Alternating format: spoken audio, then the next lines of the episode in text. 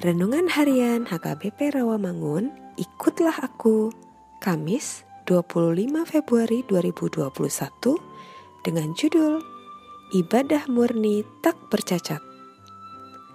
Bacaan kita pagi ini tertulis dalam Kejadian 15 ayat 1 sampai 6 dan bacaan kita malam ini tertulis dalam Roma 3 ayat 21 sampai 31 dan kebenaran firman yang menjadi ayat renungan kita hari ini ialah Yakobus 1 ayat 27 yang berbunyi Ibadah yang murni dan yang tak bercacat di hadapan Allah Bapa kita ialah mengunjungi yatim piatu dan janda-janda dalam kesusahan mereka dan menjaga supaya dirinya sendiri tidak dicemarkan oleh dunia.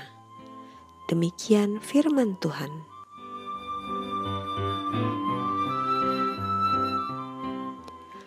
Memasuki tahun ini, kita mendengar banyak kabar tragedi di negara kita.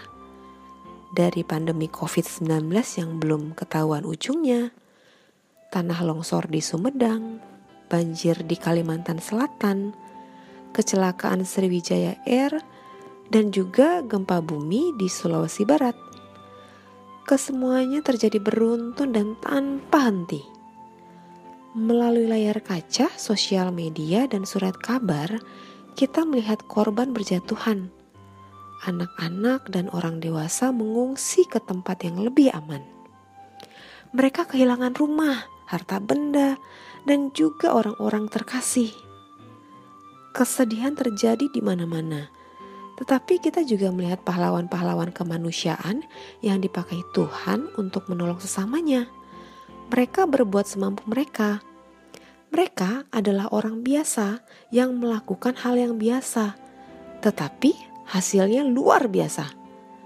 Ada seorang bapak yang datang ke kota Mamuju dari daerah Palu hanya untuk memasak di dapur umum setempat karena mengetahui pada empat hari pertama para pengungsi mengalami kelaparan yang sangat dan kehausan.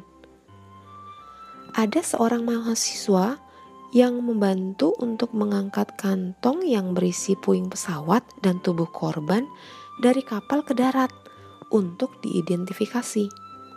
Bagi mereka itulah ibadah.